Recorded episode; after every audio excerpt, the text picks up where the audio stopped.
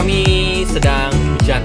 Oh dikirain kamu mau nyebut episode Saya mau nanya episode berapa Ingatlah 45. Oh soalnya kemarin habis kembar-kembaran Iya dong. 17 Agustus tahun 47 Sehat.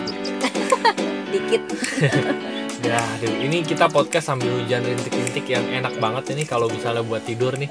Aduh saya malah pengen pisang goreng sama teh anget Aduh, kok jadi enak. Ibu gorengan bukan ya sebelah?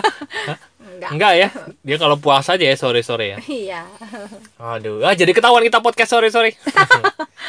Hari ini Hmm. Oke. agak telat kita ya karena kesibukan ya.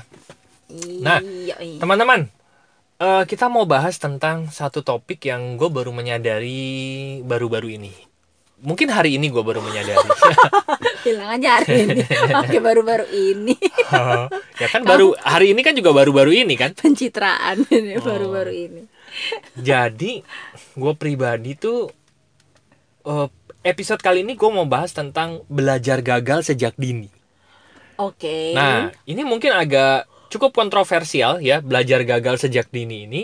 Loh bukankah orang itu harus dipersiapkan untuk sukses? Oh ya jelas gitu. Iya Cuman belajar untuk menerima bahwa segala sesuatu tidak sesuai dengan apa yang kita harapkan itu juga perlu.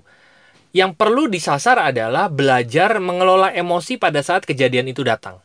Gitu. Nah, gue tuh mereview sejenak gitu sebetulnya. Kenapa ya waktu gue eh, jatuh, jatuh pertama itu gue bangkitnya cukup lama gitu. Karena memang mungkin karena dari kecil gue tidak belajar untuk gagal gue tidak pernah gue gue pribadi ya tidak pernah Ya nggak pernah kepikiran eh, eh, bahwa eh, akan mengalami kejatuhan. Jadi mungkin yang mungkin namanya juga ya anak kecil, anak muda gitu. Kebayangnya ah waktu kuliah pinter nilai-nilai bagus.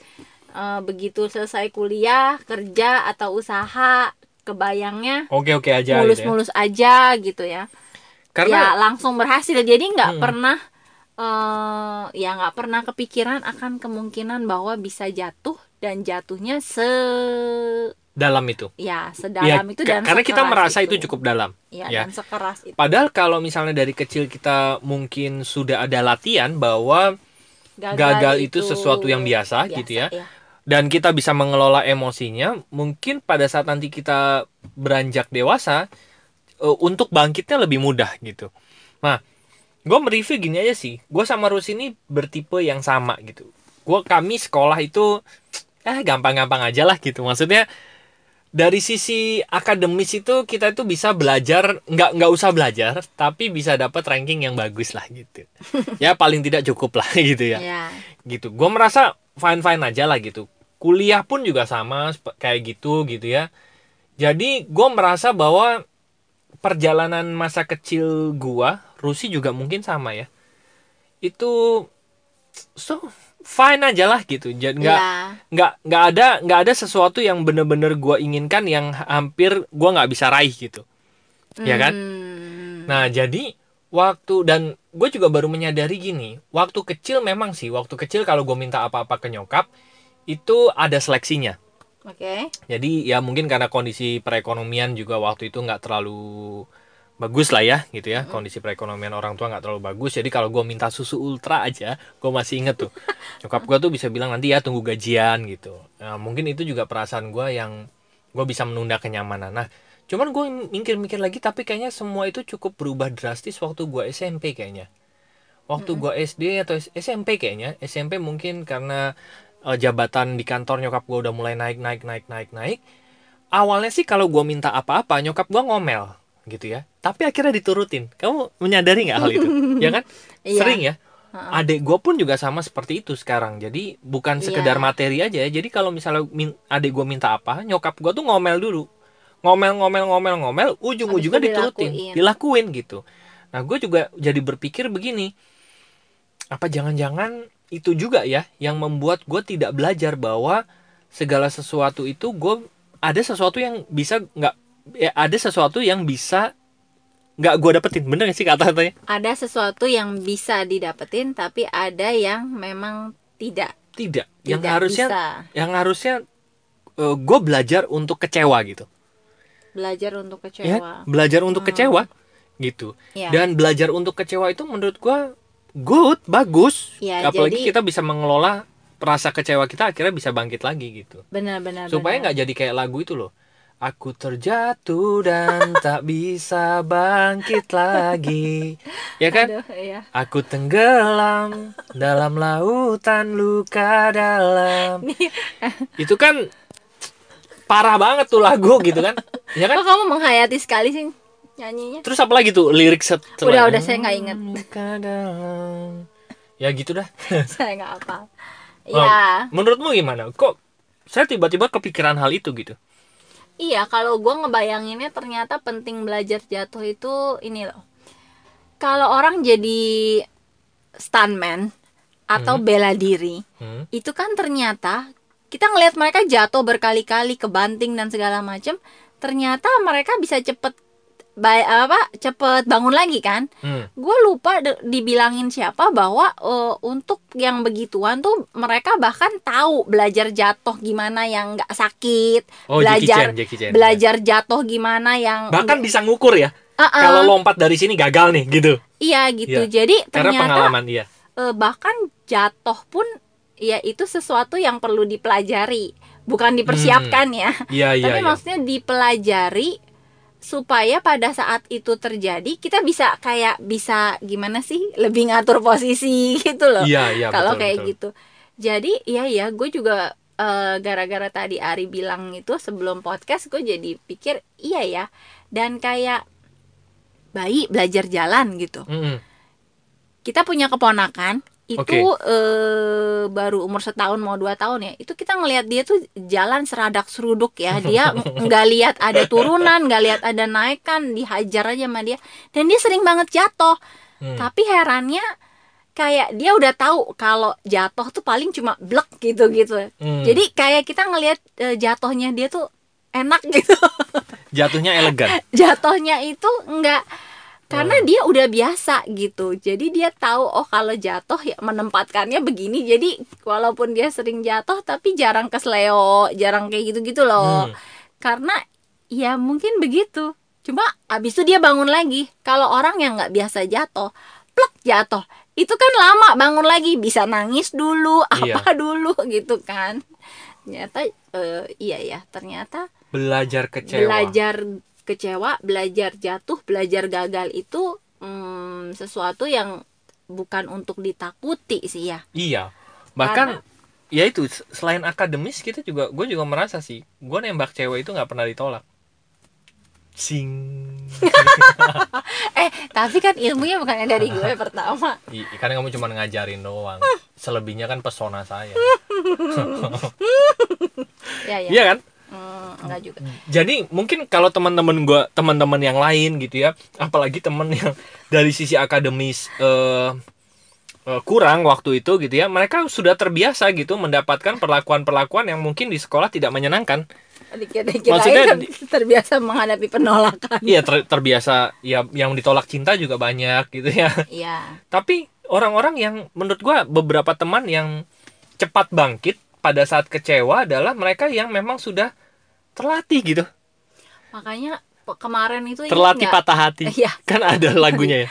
barisan para mantan apa eh, itu loh yang berita bahwa ada orang mahasiswa ya mahasiswa bunuh diri nggak sih Iya. gara-gara Skripsinya ditolak. skripsinya ditolak Hmm. karena begitu dilihat si mahasiswa ini ternyata super pinter Hmm. nilainya selalu bagus Ya, ya, ya, ya. dia ya. nggak pernah ngerasain namanya ditolak atau nilai jelek Ya. jadi dia nggak pernah belajar gitu jadi begitu dapet kita mah ditolak skripsinya udah ah Oh. ya ya ya oke Tapi lah dari sisi kehidupan kita juga belajar waktu kita jatuh, gua pribadi sih ya jatuh Iya.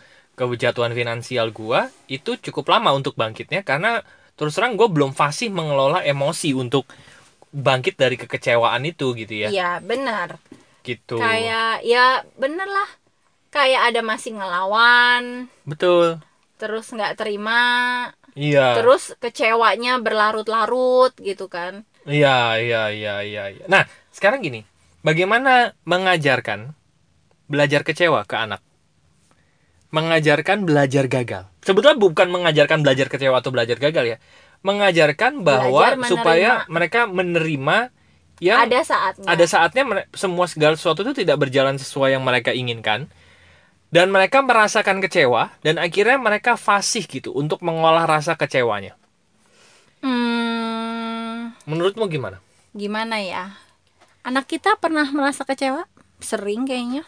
Iya. Maksudnya kalau minta apa-apa kan eh, ya gue termasuk yang pelit juga jadi maksudnya gue mm, ada saatnya gue bilang ya ada ada saatnya gue bilang enggak. Kecewa. Harusnya kita nanya sama si kokoh ya gimana Iya. dia eh, menghadapi yang Gue- ketika ini nggak boleh itu nggak boleh gitu. Bener. Dan akhirnya dia fine lagi.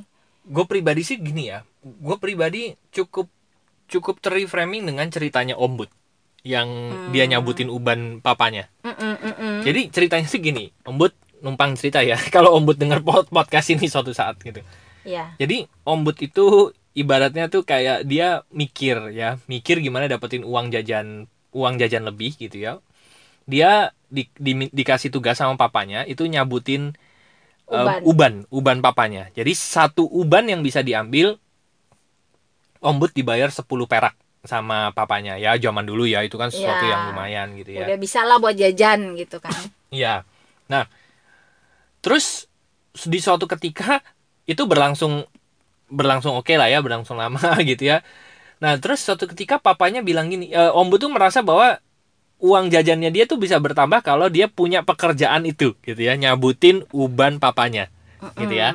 Jadi lo bayangin kayak misalnya orang udah kerja, udah punya penghasilan gampangannya gitu ya. Suatu saat papanya bilang, aduh rambut ayah makin tipis nih, kayaknya udah nggak perlu deh nyabutin uban, uban lagi. papa mau disemir aja gitu. Nah seketika itu ombud merasa bahwa bisnis cabut ubannya itu kayak dicabut gitu ya, ya. ditutup kan otomatis Di- dia udah nggak ditutup bisa gitu. lagi dapat penghasilan Nah, dari situ Itu gue pikir itu adalah itu kan pasti orang kecewa ya. Dia kecewa gitu apa yang dia itu kan dia bekerja loh itu dia mem- membangun merintis bisnisnya gitu kan. Iya. Merintis bisnisnya dan akhirnya bisnisnya eh, hilang begitu aja. Sama kalau orang ditipu kan juga tiba-tiba begitu ya dapat telepon gitu ini ini hilang ini apa ini segala macam dia nggak bisa dihubungi lagi tuh dalam waktu seketika itu kan. Iya. seketika itu tuh bes gitu. Kayak Udah. apa yang udah kita bangun tuh hilang gitu. Nah dan gue menarik eh, kalau kita bisa mengajarkan hal-hal seperti ini nih ke anak gitu ya misalnya dia membangun sesuatu dan akhirnya berhilang dan akhirnya dia kecewa dan akhirnya kita bisa bantuin dia lagi untuk bangkit gitu gue pikir pada saat nanti mereka benar-benar masuk ke dunia kerja gitu ya Mm-mm. dunia yang sudah lepas dari sekolahnya Mm-mm. mereka sudah fasih dengan perasaan-perasaan seperti ini gitu Iya. karena Jadi, mereka mm-mm. mereka udah terbiasa dari kecil untuk belajar kecewa dan belajar gagal gitu Mm-mm. kalau menurut gua sih ya belajar kecewa belajar gagal itu bisa dimulai eh pertama ya itu ya mengajarkan anak bahwa untuk menerima bahwa ada saatnya eh, keadaan tidak selalu berjalan seperti yang kita inginkan Hmm. pertama itu berarti ajarin dia untuk menerima dulu dan ajarin dia untuk bisa mengeluarkan emosi pada saat dia merasa gagal itu dengan sehat. oke Jadi kayak Liel tuh pernah gua ajarin untuk nulis di kertas.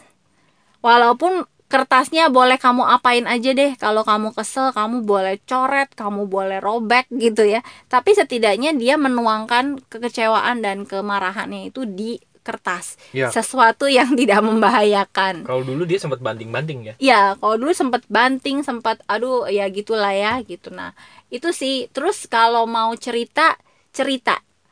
Gitu kan? hmm. E, supaya dia juga bisa mengenali emosi apa nih gitu yang Hmm. sedang gua rasain gitu. iya Terus e, setelah dia e, belajar untuk mengeluarkan emosinya dengan cara yang sehat dan tidak melukai siapa pun, oke ya gue pikir kita perlu ajarin dia untuk hmm, ya udah eh, fokus sama yang ada gitu. Ya ya. Memulai memulai segalanya kembali dengan Iya. apa yang kita punya. Betul. Gitu dan ya? kalau itu ternyata suatu masalah yang memang perlu dihadapi dan eh, gagal gitu ya berarti kita kan masih tetap akan perlu menyelesaikan masalah itu kan? Ya ya ya dengan ya. cara yang lain. Ya Dihadapi berarti gitu ya. eh, belajar untuk lebih kreatif lagi pikirkan cara lain untuk gimana caranya eh, bisa Ya. fokus lah sama solusi gitu betul betul betul berarti kalau diruntut sih ya belajar menerima belajar eh, apa mengeluarkan tadi ya mengungkapkan melepaskan lah iya belajar rilis Mm. emosi sama ya eh, fokus sama yang ada yang bisa dikerjain dan fokus sama solusi gitu biar Iya. eh, cepet maju lah move on gitu. Kesalahan salah satu kesalahan kita kemarin waktu kita jatuh dan lama bangkitnya adalah karena Mhm. eh, untuk move on itu kita lama kan? Iya iya. Betul. Gitu. Karena ya itu tadi karena kita tidak terbiasa iya mengelola benar. itu gitu. Mengelola Jadi- perasaan itu gitu. untuk menerimanya aja lama iya Ya iya. kan? benar-benar untuk bisa rilis emosi itu juga lama. Benar-benar takes time. Iya. Bukan cuma bulanan tapi mungkin tahunan. Betul. Sama yang terakhir untuk fokus sama apa yang kita punya itu juga mungkin takes time sampai akhirnya Iya. kita sadar oh bahwa kita tuh nggak punya ini iya. nggak nggak betul-betul jatuh tergeletak gitu iya loh. Iya iya kita tuh masih bisa berdiri loh gitu. Betul betul. Bahkan untuk mendapatkan kesadaran itu aja kita butuh tahunan gitu ternyata gitu kan. benar-benar untuk sebetulnya untuk bisa menjabarkan bahwa oh ternyata seterang ini ya bahwa Ya. benangnya itu tidak sekusut yang kita bayangkan gitu kan. Ya itu takes ya. time. Makanya pada saat mungkin kalau kita sudah melatih gitu ya dari sejak dini bahwa belajar kecewa kalau bahasanya salah satu sabun pencuci itu ber- berani kotor itu baik gitu. Ya. Ya kan? Belajar untuk itu gue pikir sih mereka bisa dengan cepat itu meluruskan benang-benang yang menurut mereka kusut gitu ya. Ya. Gitu. Ya menarik. Apalagi apalagi gue ngelihat eh, pola parenting makin lama makin ke sini itu seperti tidak ingin membiarkan anaknya sakit. Sakit tanda kutip ya. Kayak tidak ada pengajaran untuk membuat Tapi- anaknya kecewa gitu. Tapi kalau parenting yang benar justru diajarin. Iya, nggak maksudnya di, oh, di eh, sekarang nih. yang Kok- orang-orang betul, lakukan gitu. Oh, oke. ya kan kalau iya. kalau zaman dulu aja kita ngambil baju ambil ambil sendiri itu untuk untuk ukuran baju aja loh ini. Ya kan? Mhm, Untuk ukuran hal-hal yang rumah tangga sederhana. Mm-mm, Belum yang menghadapi masalah-masalah yang mm-mm. masalah-masalah kehidupan ya gitu. Iya, iya. Ya, jadi gue pikir sih mengajarkan atau tanda kutip membiarkan anak untuk merasakan kecewanya gitu ya, merasakan bahwa apa yang mereka lakukan itu tidak serta merta mulus di depan dan tugas kita adalah membantu mereka untuk di awal-awal mengenali mengenali perasaan-perasaan seperti itu dan akhirnya Iya. yang seperti yang Rusi tadi ceritakan gitu ya tahap-tahapan dan itu ya. Dan juga mengajarkan eh, nikmatnya ketika akhirnya merasa bisa setelah berkali-kali gagal. Hmm, Ya, ya, ya, itu ya, juga ya, ya. sesuatu yang perlu mereka rasain. Jadi ketika mereka gagal sekali eh, Barney tuh sering banget ngomong keep trying ya, Iya, sampai iya. ada lagunya gitu.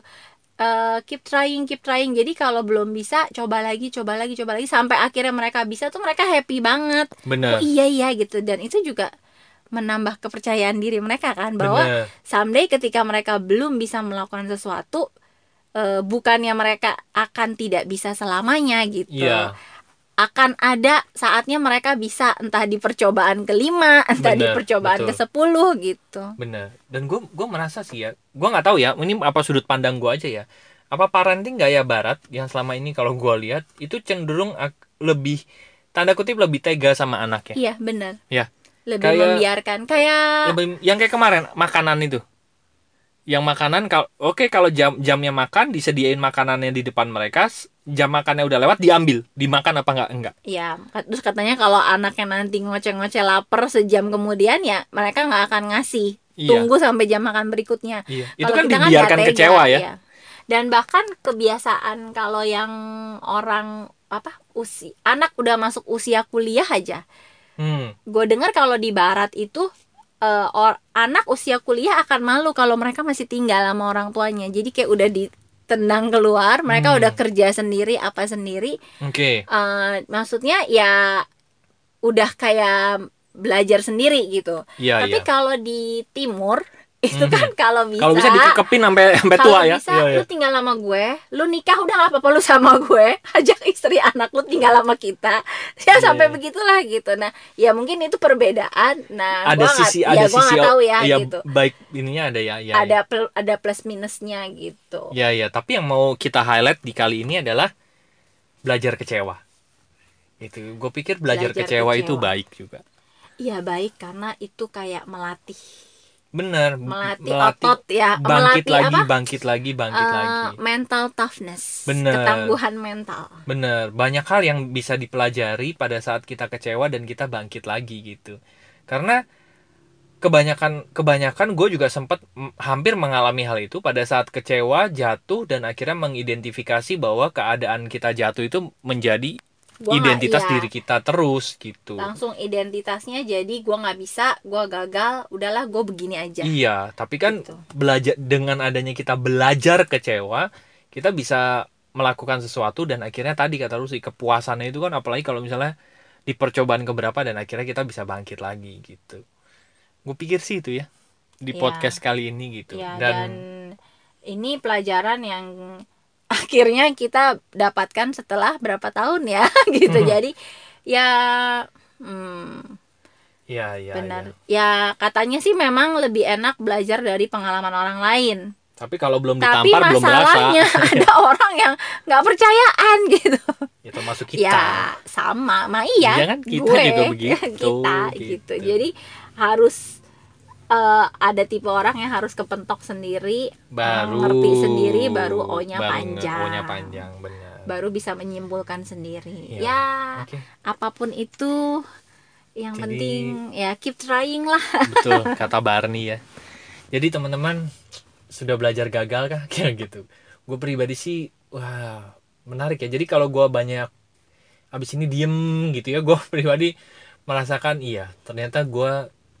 hmm, pelajaran kemarin itu adalah pelajaran gagal pelajaran kecewa Hmm, menarik ya ya sangat menarik oke teman-teman mungkin itu yang bisa kami sampaikan di podcast habis ini kali kayak kita mau diem dieman dulu Iya.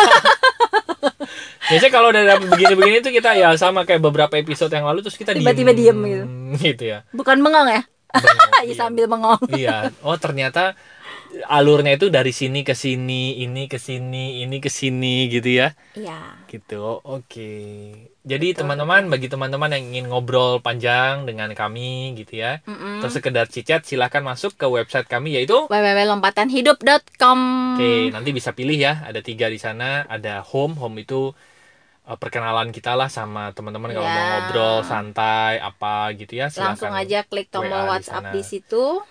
Atau Ya, kalau mau di page dikit- kedua ada counseling and event ya Yes. itu buat teman-teman yang butuh jasa untuk konseling untuk masalah yang personal gitu Yes. yang mungkin selama Custom. ini belum ada di Di podcast, ini. gitu Atau ya. dengerin podcast kelamaan, serinya banyak banget gitu ya ya. pengen langsung aja atau pengen ada emosi-emosi yang dibantu untuk Rilis. dirilis Oke. gitu pakai gitu gitulah ya Ya. bisa hubungan juga Atau dengan pasangan menyadari emosinya. ya benar benar Karena sering kali dibantu banyak loh. bahkan iya benar banyak kadang-kadang orang datang tuh gue nih nggak tahu gue kenapa cuma gue rasanya nggak enak gitu ya jadi Iya. perlu dibantu untuk menggali sampai ketemu akarnya Yes. das nanti di page ketiga ada Bisnis. bisnis ya bisnis buat yang mau dapat Rekomendasi rekomendasi bisnis dari lompatan hidup ya Oke, teman-teman, itu yang bisa kami sampaikan di podcast kali ini. Semoga bermanfaat dan kita ketemu lagi ya di podcast episode berikut berikut. Thank you. Bye bye. See you. bye bye